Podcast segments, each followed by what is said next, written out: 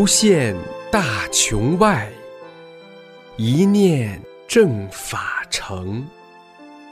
师尊慈悲愿，万物沐春风。请听明慧专题《一师恩》。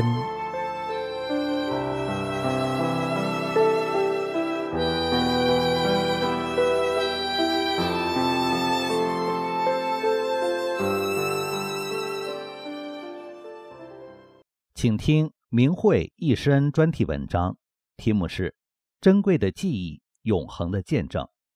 文章发表于明慧网，二零一一年五月十三日。二零一一年新年来到的时候，窗外辞旧迎新的震天动地的炮竹声中，我看到一种神奇的景象：一艘渡人的法船竖立了起来，犹如一架天梯，直升向云端。伴随着这种景象。响起了一种神奇的音乐，并且有着天女散花。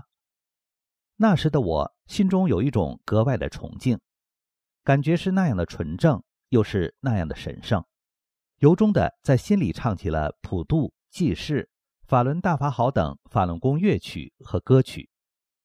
我是一名普普通通的法轮大法老弟子。却有幸多次见证法轮大法创始人李洪志先生在中国大陆传法的经历。每次当我沉浸在幸福的回忆中时，都会看到一些神奇的景象，或听到一些美妙的音乐。就像上面描述的那样，以下我将写出回忆中的点滴和世人分享。第一部分：一九九二年在北京。一九九二年夏，我到一朋友家去拜访。他们知道我身体不好，就以他们对气功二十多年的体验，经过认真思考，很有诚意地向我推荐了法轮功。修炼法轮功，把修心性放在第一位，这吸引了我。不知不觉的，当时就跟他们学练起来。当晚，我看见了一个大风车呼呼地转。朋友的女儿高兴地说：“您看到的是法轮啊，多有缘分啊！”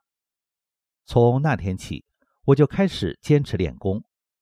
过去从头到脚的病痛，不久就没影了。朋友为我高兴。这年九月，北京市气功协会在二炮礼堂开办法轮功北京第三期学习班，我如愿以偿，立即报名参加了学习班。开班前几天，听说师傅带着几名弟子在二炮礼堂侧厅，为前来咨询的病人调理身体。多想早点见到这位恩师啊！我练功后甩掉了多年的药罐子，真正的一身轻了。我一定要好好感谢李老师。我和同行的学员来到了咨询点，好奇地看着。我一下看到李老师的手，他的手上戴着一圈厚亮厚亮的白兮兮的荧光，正伸向一个病人的脑袋，转瞬间吸出一块黑乎乎的不成形的东西。扔到了窗外，这个病人一下子轻松了，病也就好了。这可是亲眼所见啊！我们这些在中共无神论的社会里经过了全面洗脑的人，被眼前发生的真实景象强烈的冲击着，真不可思议，真是神了！一位又一位病人的病都神奇般的当场就好了。这几个月来，我原来的病不也是通过练功练好了吗？这都是事实啊！刚刚回过神来，只见师傅微笑着走了过来。师傅身材高大，满脸祥和，亲切地问道：“看到什么了吗？”眼前这位笑眯眯的老师，就是我要好好感谢的恩师啊！我赶紧兴奋地回答：“看到了，我看见老师在做手术。”师傅笑了，瞬间从我心底里升起了无限的崇敬。我一定要好好跟老师学功。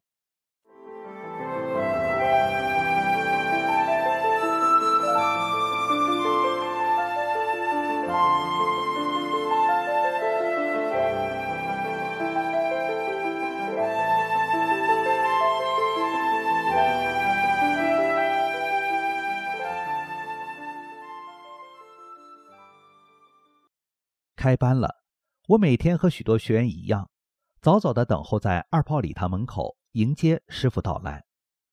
师傅总是微笑着，挥手点头跟大家打招呼。学员们很礼貌的、自觉的让出一条道。每天下课都是依依不舍的目送师傅上了一辆学员开来的吉普车，车开走好远了，我们才转身离开礼堂。学习班上，师傅讲的都是我们从来都没有听到过的理，字字入心。我每天很认真的听课，生怕听漏了一句话，生怕听掉了一个字。记得师傅告诉我们这样一层意思：气功就是修炼。宇宙是有特性的，宇宙的特性是真善人，适应这种特性的就是好人，背离他的就是坏人，符合于他、同化于他的就是得道者。这样就要求练功人必须有极高的心性，来同化于这个特性，这才能往高层次上修炼。我就觉得这个课堂无比神圣，学员们都很虔诚，每天都听得入神，没有杂念。心灵是那样的纯。一天听课时，我看见每个学员座位的靠背上都有师傅的半身像在那儿。我想，这可能就是师傅说的法身吧。一天，我梦见师傅高高大大的坐在那里，慈祥的微笑着。我单腿跪靠在身边，仰望着，就觉得师傅是自己的父亲，自己是师傅的孩子。这是我一生中真正的老师啊！我很兴奋，只知道好，就是百分之百相信师傅所讲的一切。我明白了，人来到世间是修炼的，不是来过常人生活的。修炼是不断的去执着心、守德、修心性、修真善忍。这位老师非同一般。我心想，现在道德急速的大滑坡。老师是来更新人类的。最后一天，师傅给学员解答问题。每天师傅在讲课时都会说：“有什么不理解的、不懂的，可以记下来，现在不要提。到最后一天，我专门给大家解答。”师傅耐心的一一解答学员们提出的问题。学习班结束了，学员要求与师傅一块儿合影。师傅穿一套灰色的运动衫。站在学院中间，特别高大，大家自动的分成小组，几个人、十几个人、几十个人，一波波的与师傅合影留念。一会儿这边喊：“老师，请您跟我们合影。”一会儿那边喊：“老师，到我们这里来嘛。”我和同行的学员挎个相机，眼含幸福的泪花，一直跟着师傅到这组到那组，根本就忘了给照相。最后剩下的还没有照的学员，跟师傅一起合影，站得密密麻麻的。合影中不停的有学员喊：“我们的老师，我们的老师。”最后全体学员从心底发出了一个共同的声音：“我们大家的老师。”学员与师傅合影持续了很长时间。合影后，学员争先恐后的请师傅签名，师傅一直站在那里，微笑着，一个一个。耐心的签。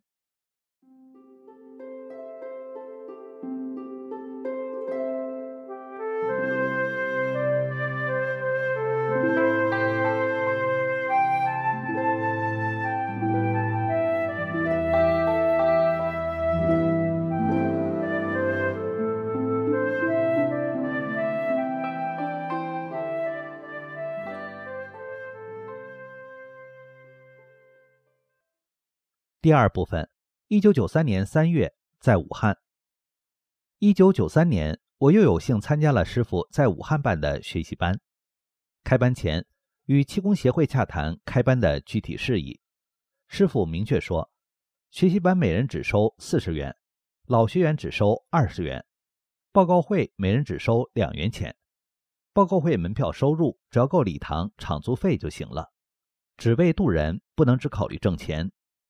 但器械主任说，他们就是要挣钱，要求学习班的票价要提高至每人五十元，并说别的气功报告会每人最低也得收十元。经过磋商，最后达成协议，办学习班收入器械占百分之六十，返了工占百分之四十，而这百分之四十除去场地费、宣传费、资料费、交通费、住宿伙食费，就没有一点结余了。气功协会工作人员很纳闷儿，所有在武汉办班的气功门派，法轮功的收费是最低的，这样的真少见，可以挣钱，他不要。那次班上还有报社、电台等新闻单位的记者听课，他们当时热情洋溢地报道了法轮功及其创始人，说这功法是从未听说过的一种特殊气功，这是部高德大法，是真正往高层次上带人。一九九三年三月十五日，在武昌中船总公司第七零一研究所礼堂开学习班，有位警卫排排长是个气功爱好者。他带了一排士兵来听了师傅的报告会，他们听得得意之处，也兴奋地鼓掌。现在想起来，那掌声格外的响亮，仿佛还在耳边回荡。一位四十多岁的男学员，他随祖辈从很小就开始练武术气功。他说：“这位师傅可了不得，他在这讲课，他的功打出来覆盖整个礼堂，金光闪闪，并射出礼堂的屋顶之外。”那些小喽啰退出老远。他说的小喽啰大概是些不好的低级灵体吧。一天，有一个年约四十多岁、瘦高个的男子，由于没听课证，被工作人员拦住了。他大吵大闹：“我来就是和他斗法的。我的师傅一百多岁了，他这么年轻。”还说了很多不好听的话。师傅知道了，叫工作人员放他进来。他听完师傅的讲课，安静下来了。会后，特意找到工作人员，愧疚地说：“我再也不闹了，这才是真正的师傅。”一九九三年三月二十五日下午两点，师傅在汉口市政府礼堂举办了第二场讲法报告会，约两个小时。参加了学习班的新闻记者感到法轮功非同一般，于是报纸、电台均有报道。有些人还是通过电台热线咨询治好了病，他们认为师傅是救苦救难的活菩萨，当时激动的无法用语言形容。按电台告诉的地址，许多人冒雨到市政府礼堂参加了报告会。虽然天下着倾盆大雨，但礼堂还是座无虚席。报告会快开始了，外面仍然下着大雨，前厅仍然站着很多人，不愿离去。要求加站票进场，主办方武汉市气功协会又增加了许多站票，马上卖光了。可还是有很多人淋着雨来求票，甚至有人买飞票，也就是票贩子卖的票，要进去。市气功协会负责人简短的讲话后，一位老太太上到台上，他先在台上跑了三圈，然后自我介绍，他曾是社区的干部，瘫痪在床已三年。生活不能自理。昨天听电台直播热线，按师傅的口令要求做，收到立竿见影的神效。全场听众看到他在台上轻松跑步的样子，真不敢相信他曾是一个瘫痪三年的老病号。有类似经历的人都很感激，他们认为师傅大慈大悲，非同凡人，于是就按电台告诉的地址，冒雨到市政府礼堂参加了报告会。像他们这样慕名而来的就不在少数。代工报告会上，师傅给学员下法轮，要求大家伸出手来，掌心朝上。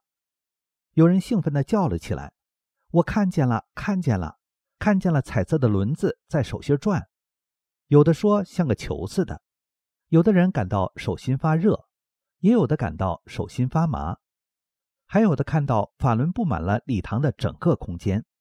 法轮落在了玄的手上、肚子上、头上，无处不有。整个会场一片惊叹之声，无不见证了大法的神奇。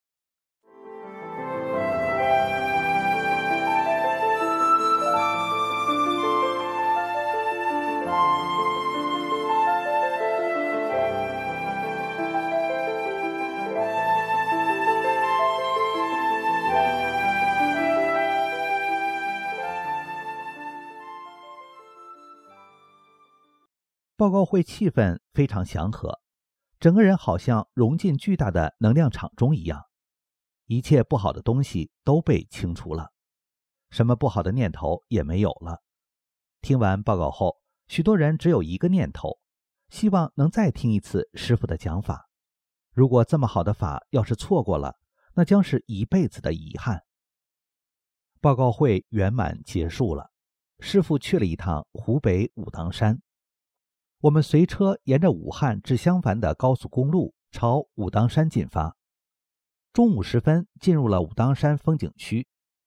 有学员看见一个巨大的牌坊，唰的一下从天空中落下来，显现在眼前，便对师傅说：“师傅，我看到了一个好大的牌坊，我们正在往牌坊方向前行。”师傅说：“那是山门。”学员又说：“牌坊两边站着很多古代装扮的武士，每两人之间大概相隔二十米，他们身穿盔甲。”头上戴着一种奇特的冠，冠周边好多尖尖角，每个尖角上都有一朵梅花。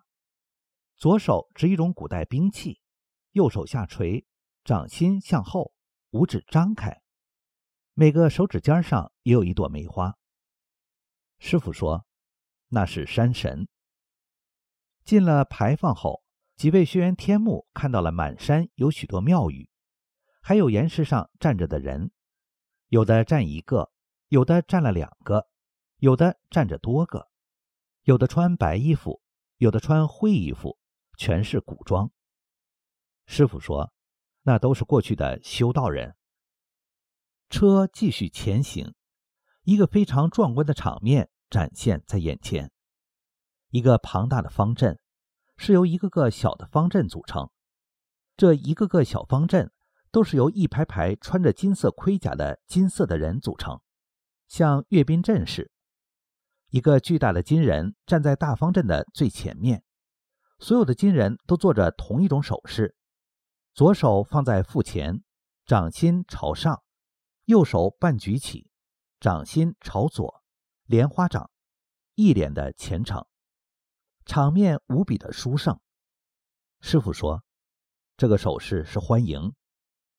整个方阵想看多大就有多大，想看多远就有多远，可以无限大、无限远、无限远，并不像平时看东西是近大远小、近清晰、远模糊。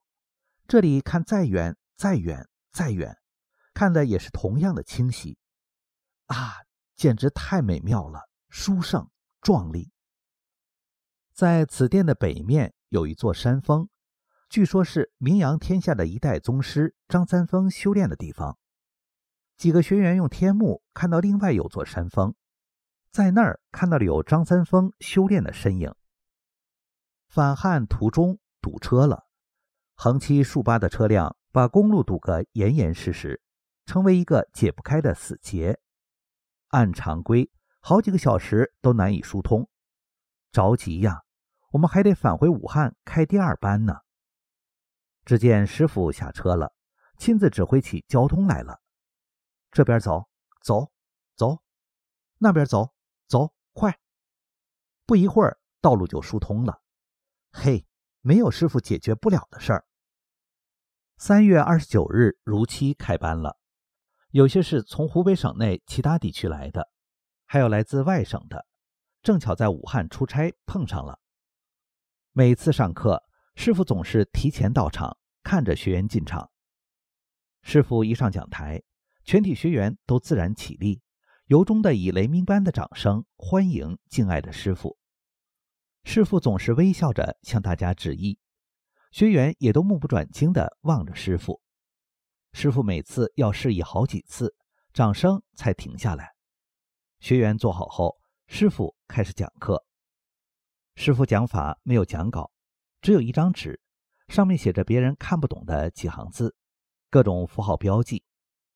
上课时，全场是鸦雀无声，学员们静静的听课，只听到师傅洪亮的声音在会场上空回荡。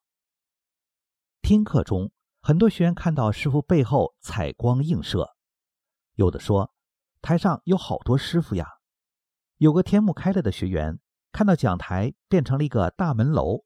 两扇大门都打开了，左右各站四位穿古代服装的武将。师傅在门楼里面讲法。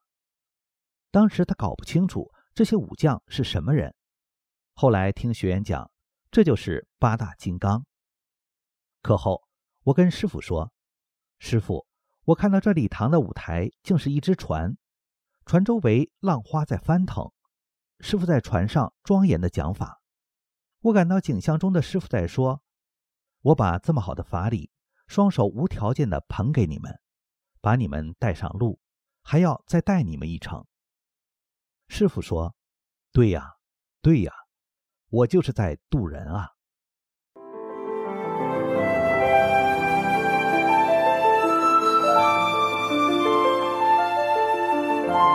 您现在收听的是明慧专题《易师恩》。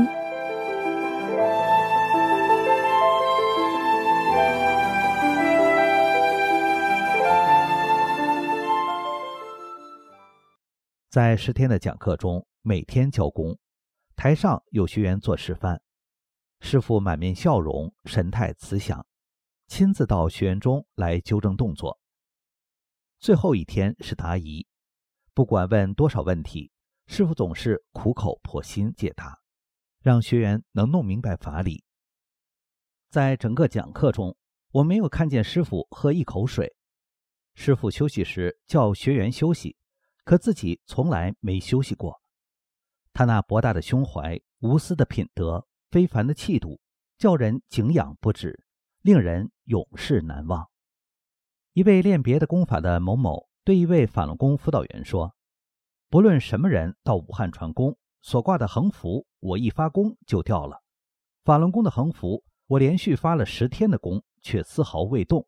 李师傅的功真正是高。”他还说：“我在公园里看到练其他功的人，有的后面加个大尾巴，有的半边黑脸，半边红脸，而法轮功练功点上有一个金光闪闪的大罩，李师傅在上面照场。”有一次，师傅在台下短暂休息时，一位女学员抑制不住自己激动的心情，上台现身说法。原来她患腰椎盘突出，不能行走，四处求医无效。然而学练法轮功几天后，奇迹般痊愈了。她特别强调，她现在的感觉就是师傅所讲的：“你会觉得一身轻，走路生风，转法轮。”大家从中更加体会到师傅与大法的无量威德。中途还有人给师傅送上了写有高德大法的匾，以表达学员对师傅的崇高敬意。有一位老太太说：“我们李老师就是活佛啊！”有几位同修有幸连续参加了几期学习班，因为他们已经感受到大法带给自己及家人的好处和幸福，都非常的感激师傅。所以在最后一堂课结束之前，他们很想请师傅吃饭，没想到被师傅婉拒了。他们心里很难过，心想：师傅给我们的太多了，怎么连口饭都不吃呢？真是纯正啊！没办法，他们只好买些好茶叶，泡好茶，请师傅讲课使用。结果也被师傅婉拒了。在听课期间。他们注意到师傅讲几小时也不喝一口水，十堂课下来还是那一瓶水。他们都被师傅一心为众生辛劳、什么也不求的精神感动得流下泪水。第二期班结束后，一九九三年四月八日，武汉市气功协会为了答谢师傅，特意请师傅去游木兰山。当车开过黄陂县十多公里处，就看见了木兰山。远望木兰山，山势峭拔，松柏叠翠，云雾缭绕，寺院林立。刚刚到木兰山前，就看到天上飘着好多好多仙女。仙女穿着五颜六色的裙子，佩戴水晶般的飘带，色泽非常艳丽，是人这个空间见不到的色彩。她们好似敦煌壁画中的飞天。与此同时，还有好多好多高大的武士。他们千百年来都守护在这里，好似木兰山的守护神。站在金顶旁的悬崖上，朝山下望去，阡陌纵横，田垄相连，农舍散布其间。木兰湖水静静地躺在阳光下，反射出耀眼的光芒。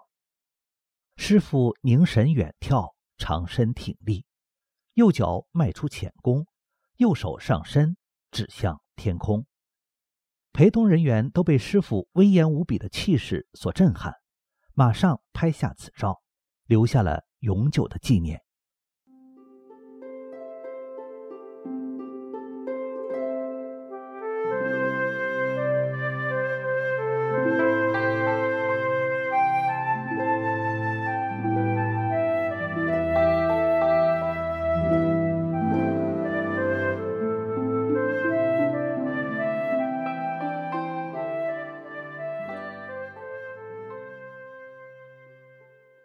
第三部分，一九九三年四月，在广州。一九九三年四月十三日至二十二日，法轮功广州第一期学习班在广州市橡胶厂礼堂举办。当时只有四十多位学员，主办单位为广州宝林气功学校。教功时，师傅亲自喊口令，有两位学员同时示范教功。师傅住在橡胶厂招待所，那儿非常简陋。吃饭在招待所食堂，伙食极清淡。一天晚餐时，薛元甲端着一碗米饭，几根无油的白菜，白菜整根还没切断，实在咽不下。他在广州军区的同学见状，用奇异的眼光看着，说：“怎么就吃这个？”当薛元甲回头看师傅，师傅也把同样的饭菜全吃光了，笑呵呵的准备去上课了。顿时，宣甲心里真有一种说不出来的滋味。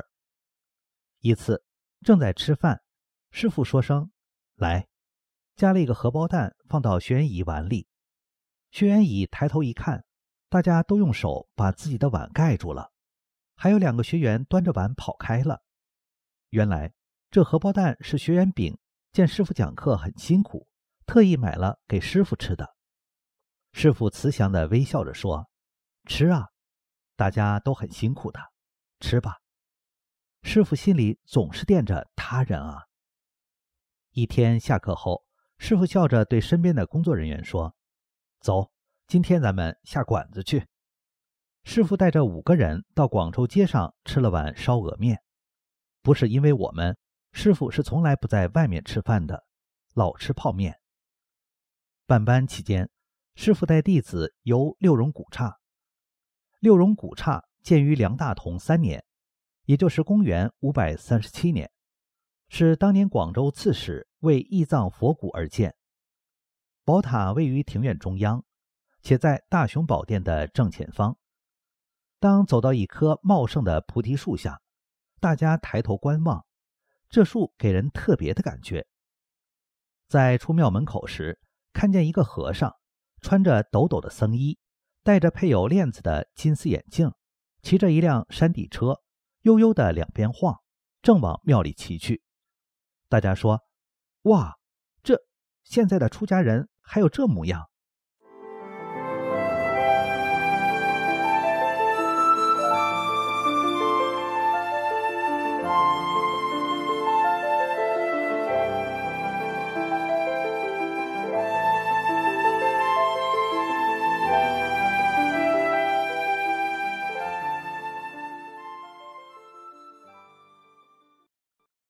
第四部分，一九九三年八月，在贵州。一九九三年八月十五日至八月二十一日，应贵州省气功协会相邀，师傅再度来到贵阳办班。我又幸运地参加了此班。我们当时住一个普通旅店，每天背很多资料去上课。师傅的女儿美哥这回也来了。美哥每天用一个迷彩色的大双肩包背资料。大家说，资料这么沉。你这么小，不要你背了。而他却说：“我要背，我就要背。”他一边说，一边使劲地拽那大双肩包。做结业证时，美哥就随大家一起熬夜，忙着盖章。办班期间，有天清晨，师傅还去了乾陵公园练功点。贵州站长向师傅介绍了学员们练功的情况。贵州班期间。贵州站长老姜还讲了那山里的蛇精修成了人形的事儿。蛇精有三百二十六岁了，师傅传法，他净捣乱。后来知道错了，派徒弟把站长老姜请到山洞里，求老姜转告师傅，他后悔了。贵州班结束了，临走之前，师傅来到工作人员房间，看看行李收拾好了没有，掂掂行李重不重，告诉我们平时就要有顺手放好行李的好习惯，还亲自教我们整理行李。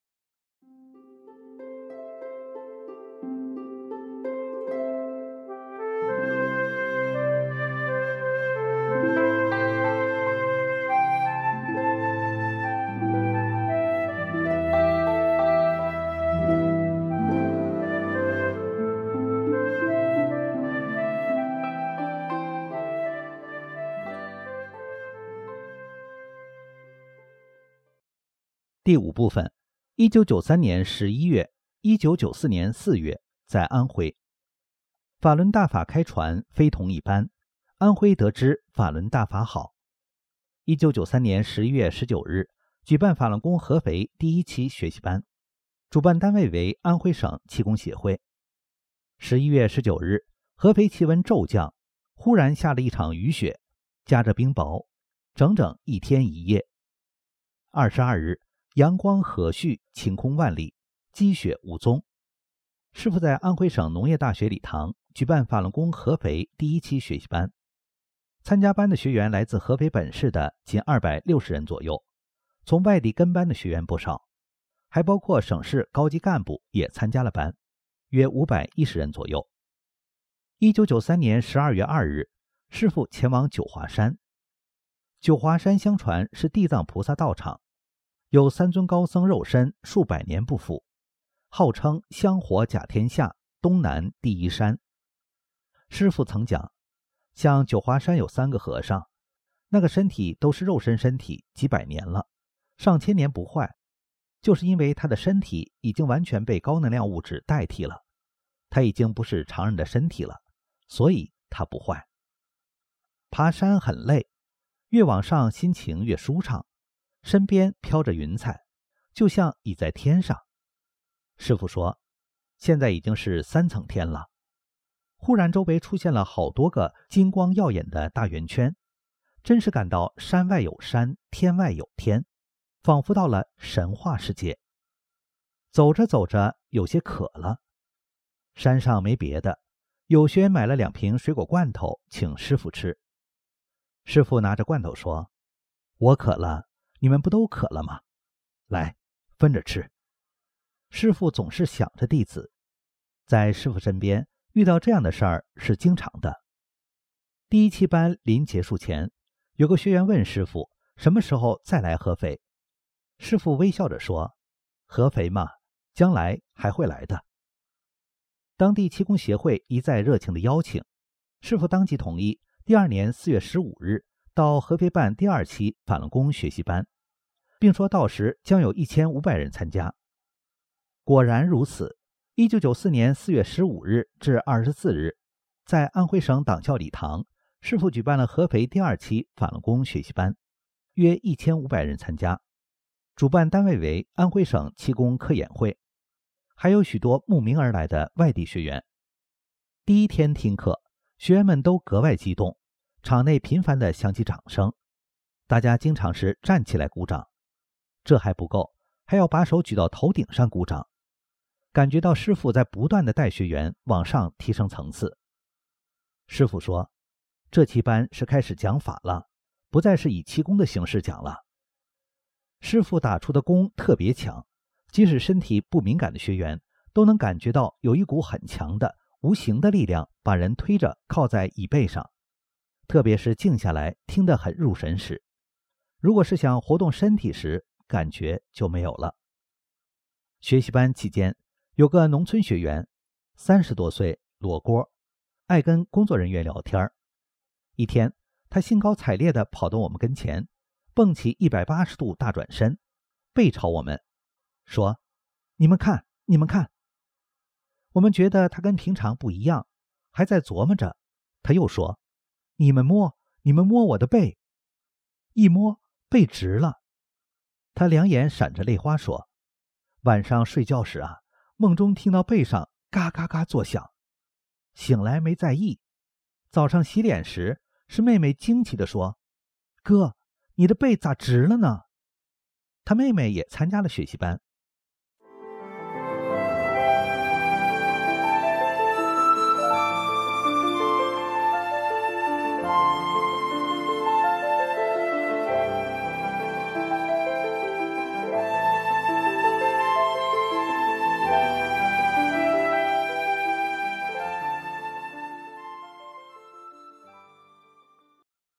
师傅传法以来，衣着一直很朴素，总是穿着那件深蓝色的旧西服，衬衫洗得发白，领口和袖口都起毛了。于是按照师傅的身材，学员请人定做了一套西服，一定要师傅穿上，并给师傅照了一张照片。后来这张照片成了《转法轮》里的作者近照。一天，作为合肥班的工作人员，当天与师傅共进晚餐，真是让人高兴极了。外地几个学员像个小孩一样，首先想到的是自己满身风尘，赶快洗个澡。换上干净衣服，好陪师傅吃饭。一想没带毛巾，于是飞快跑下楼去买了毛巾，又飞快地往楼上跑。到楼梯转弯处，迎面碰上师傅，又惊又喜，一股幸福的暖流通遍全身。几个工作人员围桌坐好，等待师傅。他们心想，一定是很好的饭菜。桌子中间放一大碗菜汤。每人面前送上同样一碟青菜，一钵米饭。学员惊呆了，说：“就吃这个？”眼泪都快出来了。一学员坐在师傅的正对面，只是低头吃饭，稍一抬眼，看见师傅正用手把一粒谷子剥开谷壳后将饭粒儿吃了。这学员心灵受到震撼。我们师傅是如此爱惜每一粒粮食。师傅为了唤醒迷失的众生，归正下滑的人类道德，归正宇宙，救度众生，历尽险恶艰辛，吃的是粗茶淡饭，给予众生的却是最最珍贵的。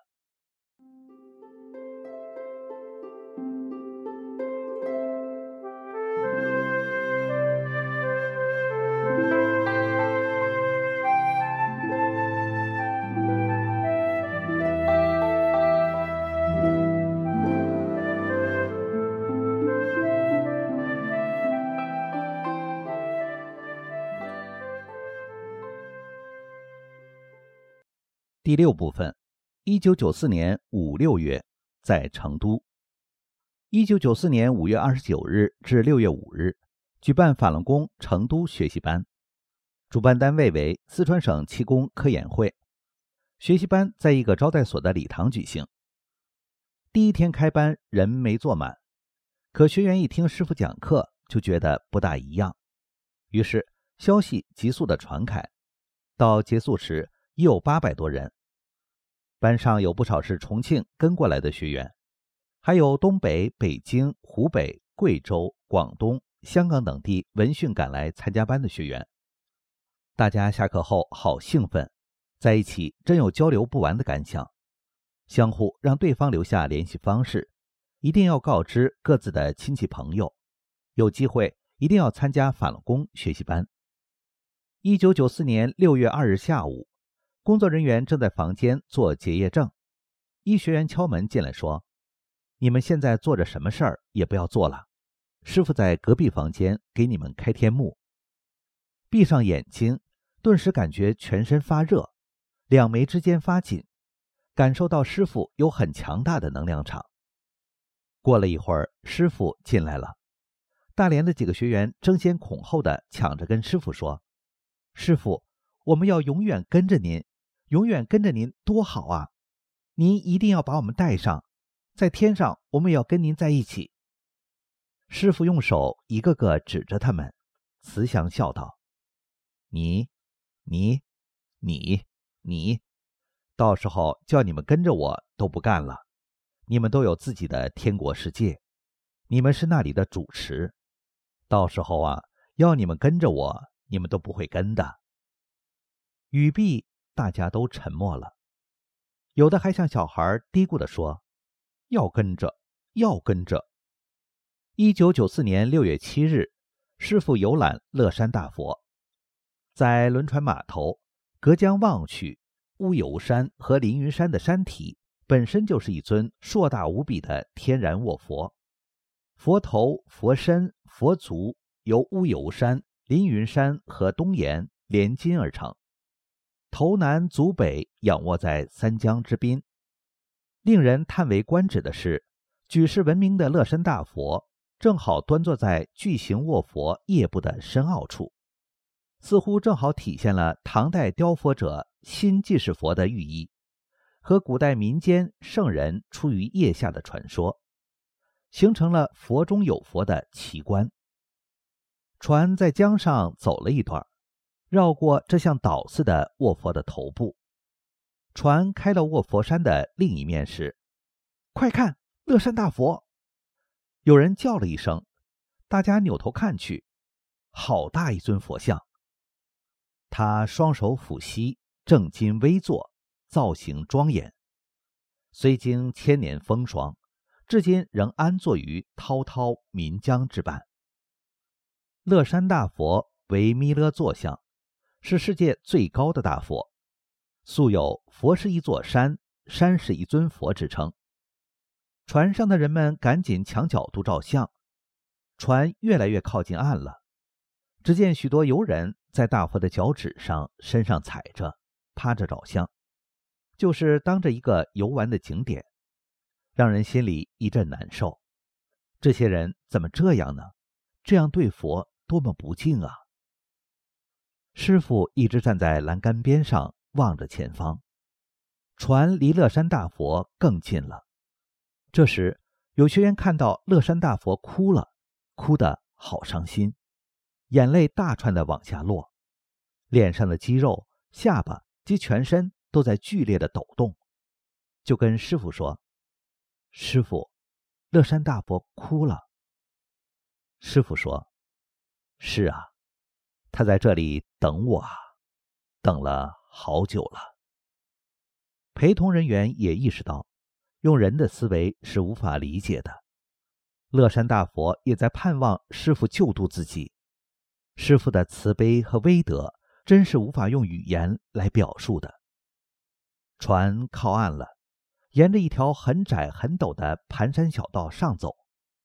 师傅护着，让陪同人员先走，自己最后才走。师傅的一举一动，首先都是想着别人，为着他人。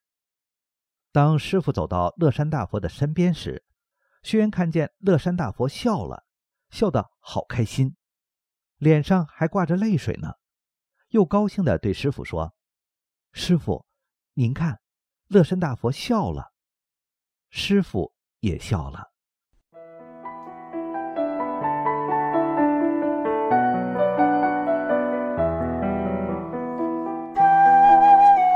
您现在收听的是明慧专题《易师恩》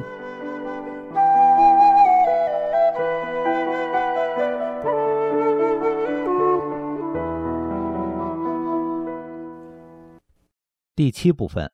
一九九四年六月，在郑州。下一期是郑州，好不容易买到了卧铺票。上车那天很热，进站时挤得不得了。老师和我们一样拿着东西，汗流浃背。上车才知道是加挂的最后一节车厢。这节车厢里还有其他一些学员。前面车厢是成都局的，这一节是郑州局的。前面列车不提供这节车厢的一切服务，连水也没有。通向前面车厢的门也给锁了。我心里很着急，看见有两学员找了一只水壶和水杯，停车的时候跑下去。从前面车厢上去灌了开水，可车开了，只好在前面的车厢站到下一站再下车，再跑回这节车厢来。这点水也仅够每顿饭给老师泡一碗方便面。上车时，成都学员送来一袋大桃子给师傅吃，可师傅都让我们吃了。想着师傅做着救度众生这么伟大的事，生活却如此清苦，真是别有一番滋味在心头。无限崇敬之心油然而起。这节车厢是最后面的车尾了。车过华山时，师傅站在车尾站了很久，指着远山对我们说：“那边是华山。”我们顺眼望去，华山上很多修道的人都下来了，来看望师傅，跟着火车走。有的修道人一直跟到郑州班。师傅问他们。你看我的弟子如何？他们有的都修了很久，说没有几个能比上的。后来师傅在讲课时讲到了这事儿，有学员看到许多修道人身着古装，在山上跪拜师傅。郑州班几乎是历次学习班中条件最差的，气功协会找了一个废弃的体育馆，叫风雨球场，中间的地板破旧斑驳，四周的看台是砖头砌的台阶，残缺不全，老旧的窗户有的连玻璃也没有。郑州法轮功学习班主办单位为郑州市气功协会，从1994年6月11日至6月18日，这期班约1500人参加。学员来自全国各地，贵州、东北成团组队参加。郑州市一百一十多人，河南省九十多人，山东省三百多人，湖北省四五百人，河北省一百多人，北京市二百人左右，还有香港学员，济济一堂，同心向法。师傅考虑到学员的费用高，时间紧，把十天缩短到八天，有两天是每天上了两次课，下午一次。晚上一次。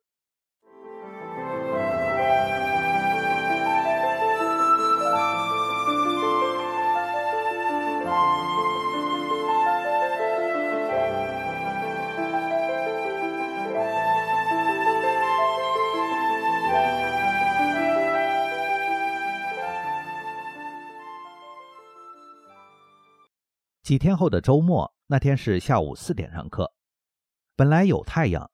上着上着课，天气突变，满天乌云翻滚，天一下暗黑，刮起妖风，紧接着下起大雨，然后下冰雹，冰雹打得屋顶啪啪作响，不时还从瓦缝钻进来。突然，学习班里的照明灯灭了，场馆内一片昏黑，雨水从天花板上方漏下来，落在讲桌上。师傅将桌子往一边挪一下。雨水就跟着漏过来，学员们有些骚动不安，都望着师傅。师傅边挪桌子边风趣地说：“正好给大家凉快凉快。”大家都笑了。接着，师傅讲了一段关于释迦牟尼弟子在魔干扰他们师尊讲法时，却能镇定安静的故事。学员们很快就平静下来了，场上无比庄严。师傅坐在讲台上。打了一套大手印，然后打开桌上的矿泉水瓶，右手向空中一抓一攥。我看到抓的是一个很大的怪物，像河马，皮很粗很老，是那种灰灰色的，脸上脖子上长满了皱褶。师傅打手印，那个怪物就蔫儿了，缩小了，被师傅装到矿泉水瓶子里，盖上盖儿。这时。师傅微笑地说了一句话：“什么道高一尺，魔高一丈，没那个说法。我给你们做了一件很大的事情，把很多东西摘掉了。”全场掌声雷动，持续良久。顿时风停了，雨住了，灯亮了，太阳出来了，又正常上课了。课后，体育馆周围积满了水，街上的树劈了不少。卖冰棍的老太太拉住学员问：“刚才的事儿是冲你们来的吧？”学员吃了一惊，老百姓居然也懂这些。当地电视、报纸等都报道了这场突发灾害：风雨暴起，树被刮倒，房子屋顶被掀了。每晚八九点下课后，师傅才泡碗快餐面吃。一天，师傅考虑身边这些工作人员辛苦，就去了一家小店儿。都各自点了餐，在候餐时，只见一个小伙子在门口站了一会儿，走了进来，一下跪在师傅面前，说：“请师傅收下我，我要做您的弟子。”师傅马上站起来，退了半步，把小伙子扶起来，说：“我们不搞形式，要做我的弟子，你就好好练，好好修。我把学员都当做弟子。”学习班结束时。主办单位的负责人在大会上激动地对全体学员说：“第一天上午讲法，麦克风的声音没有调好，学员有时听不清楚。到了下午，麦克风的声音就非常清晰了。这是你们师傅在中午休息时间调好了的。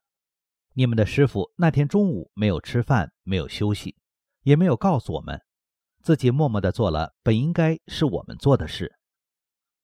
郑州班结束之时，许多学员献锦旗，最大的一面锦旗上写着一个大大的“佛”字，系由湖北学员敬献。有位年轻道士，一九九三年就学了法轮功，参加了这期班，亲闻师傅讲法，亲感师傅威德，一定请求与师傅单独合影。学习班结业当天。师傅与他合影，道士一身崭新道袍，长长的头发梳着整齐的发髻，激动地说：“好幸福啊！”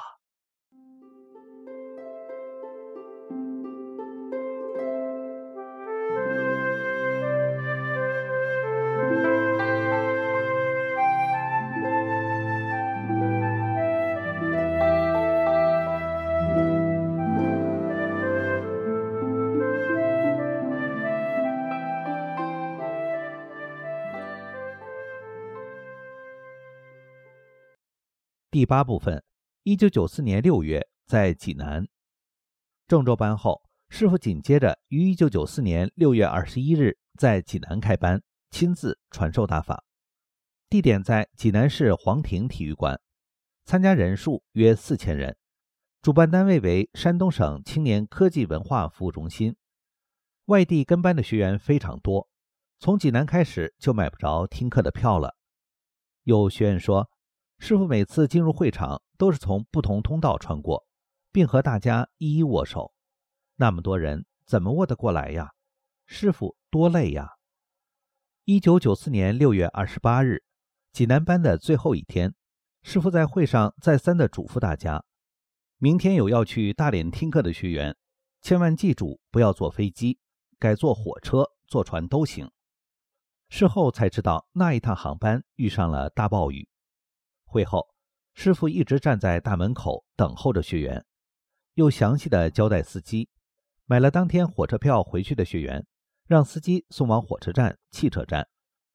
六月三十日，很多学员坐快艇去大连。平日里看快艇像离弦的箭一样在水面上飞，非常平稳，但坐上却感觉不一样，像荡秋千一样晃来晃去，时而升至空中。时而突然下坠，快艇上很多人都吐了。慢慢的，我却觉得真的是在海面上飞呀。第九部分，一九九四年七月，在大连。一九九四年七月一日早上，大连学员在大连港码头迎接师傅。我们来到码头，许多学员早已静候在那里，有的打着欢迎师傅的条幅，有的拿着鲜艳的花束。中午时分。师傅乘坐快艇抵达，学员自然形成两行，夹道欢迎师傅，掌声经久不息。师傅微笑致意，准备上小车时，学员热情地簇拥上来，献花问好，场面激动人心。码头上一些围观的管理人员和工人惊奇地问道：“这人是谁呀？你们这么隆重地迎接他？”学习班的学员越来越多。我们做结证工作量很大，那次因第二天早上七点要赶往旅顺，只好加夜班了。房子里什么吃的都没有了，只有一包方便面，还是留给师傅当早餐的。早上六点多，师傅敲门进来，端着一碗尚未泡开的方便面，笑着看了看大家，轻声地问了一句：“一夜没睡？”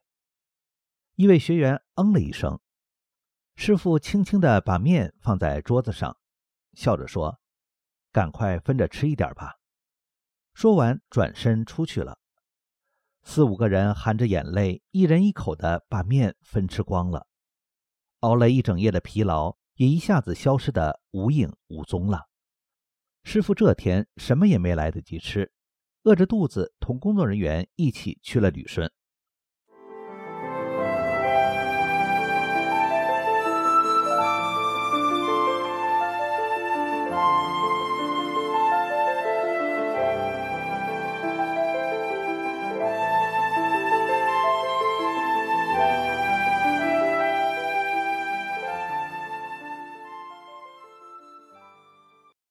第十部分，一九九四年十二月，大陆最后一期面授班和最后一场报告会，一九九四年十二月二十一日至二十九日，广州第五期学习班在广州体育馆举办，参加人数约六千多人，主办单位为广州市人体科研会。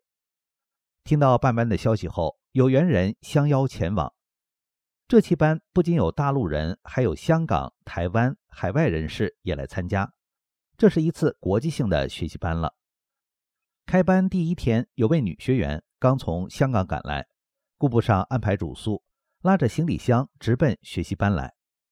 还有位西人学员，他不是很懂汉语，但他知道大法好，一定要赶来听师傅讲法。他高高的个子，听课时一直是双盘。与他一起还有他的太太和两岁左右的女儿。主办方五六千张票都卖光了，还有几百人没票要听课。广州老学员及其他地区老学员让出了两百多张票。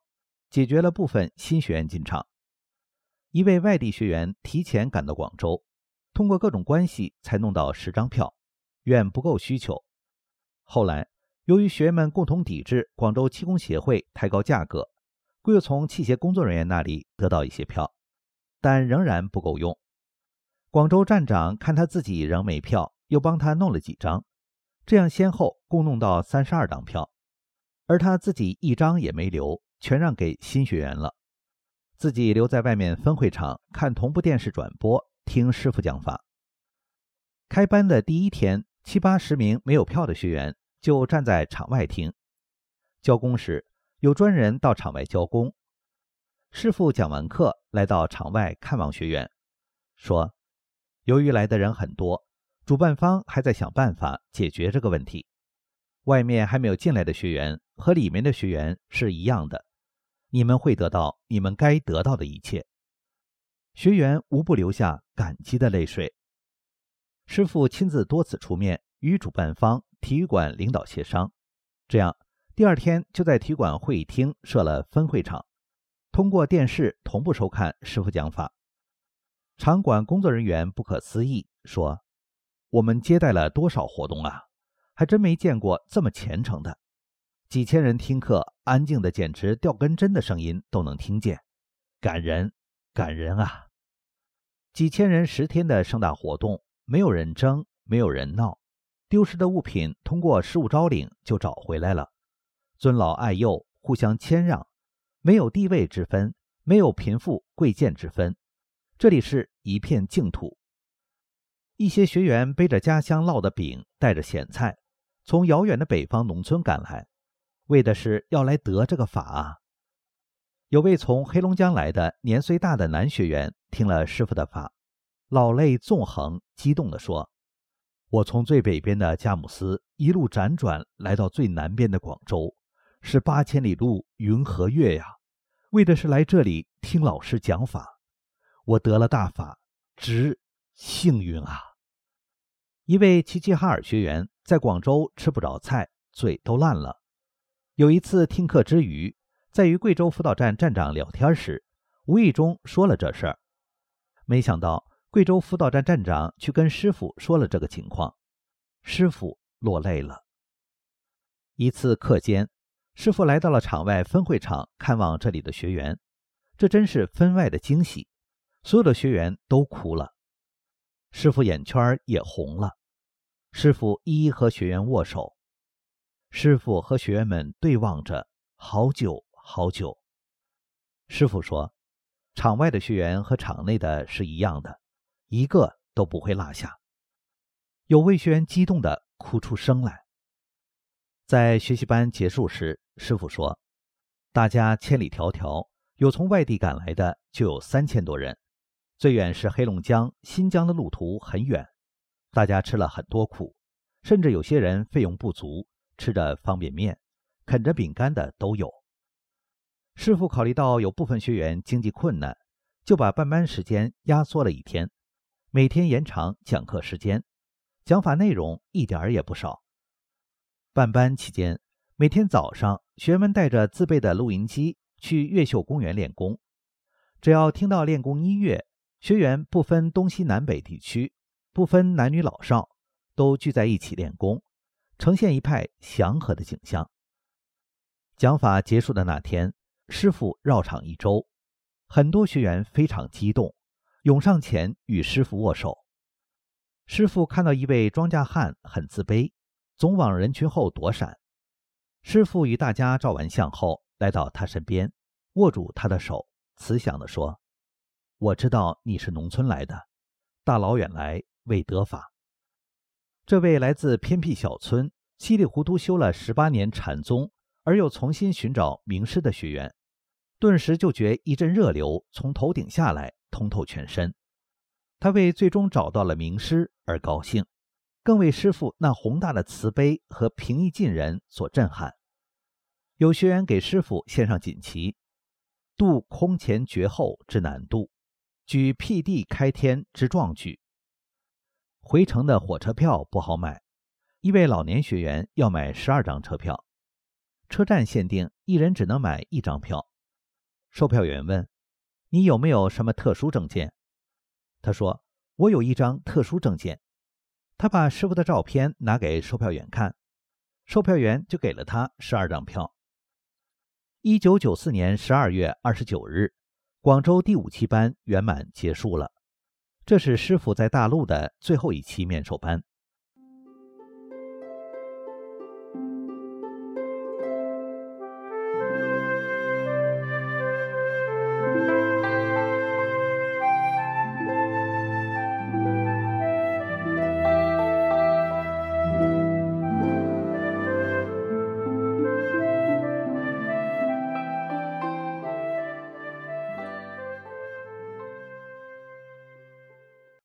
国内最后一次报告会在大连，大连辅导站并未通知学员，但很多学员还是自发的去了机场迎接师傅。为了不影响旅客进出，整整齐齐的站在大厅门口右侧通道的两边，从门口一直延伸到广场，静静的等着。时不时有行人问：“今天什么人来呀？怎么这么多人来迎接？”学员自豪地说：“是我们老师来了。”蓝蓝的天空出现一朵祥云，近似橙色，很浓。一架飞机随云而进，机到云开。约十多分钟后，师傅手捧鲜花，身穿一件极普通的黑面黄里棉衣走出大厅。一九九四年十二月三十一日，师傅在大连星海体育馆举办了讲法报告会，讲法三个小时，约六千六百多人参加。盛况空前，师傅以此结束了在中国大陆的传法传功。同日，师傅题写童话圆满：乾坤茫茫，一轮金光；觉者下世，天地同向；宇宙朗朗，童话法光；圆满飞升，同回天堂。报告结束时，掌声雷鸣，经久不息。全体学员不约而同起立，仰望师傅。师傅在台上转大法轮。师傅走下讲台，绕场一周，招手致意。所到之处，每人都感觉到了一股暖融融的气流微微而过。之后，师傅缓缓走出体育馆。学员们知道法国发出邀请函了。师傅就要出国了，心情与往常格外不同，依依不舍地跟随师傅。师傅环视人群，默默地与学员告别。师傅转身往前走，学员仍然不急不离，簇拥着师傅，走走停停，停停走走，默默步行了十几分钟。这时，一个十二岁的东北男孩。打破了沉静，深情地喊道：“师傅，师傅！”师傅回转身，抚摸着男孩的头，慈祥地说：“好好修。”这声音在人群的上空久久回响，像金锤一样敲击着学员的心扉。师傅没上车，学员们团团围着师傅，就像一朵巨大的莲花。师傅似金色花蕊，学员似片片花瓣，盛开在冬日的阳光中。那颗颗金子般的心，迸发出对师傅的无限崇敬，洒满整条大街。那一刻，空气仿佛凝固了，没有人动，都静静地凝望着师傅，想将师傅的音容笑貌铭刻在心。许多学员都默默地流下了惜别的泪水。结语：中原大地沐浴佛光，幸福的时光匆匆而过，在这里发生了太多太多的故事，篇幅有限，就写到此吧。师傅的慈悲唤醒了我们，转法轮就是我们要找的法，天机尽藏，珍贵无比。正如师傅在圆规圣国所说：“寻师几多年，一朝亲得见。”得法往回修，圆满随师还。我讲出以上这些亲身的体会，是想说，真善忍法理千真万确存在于宇宙万事万物中，用心体悟，奥妙自在其中。请读者珍惜这千载难逢的机缘啊！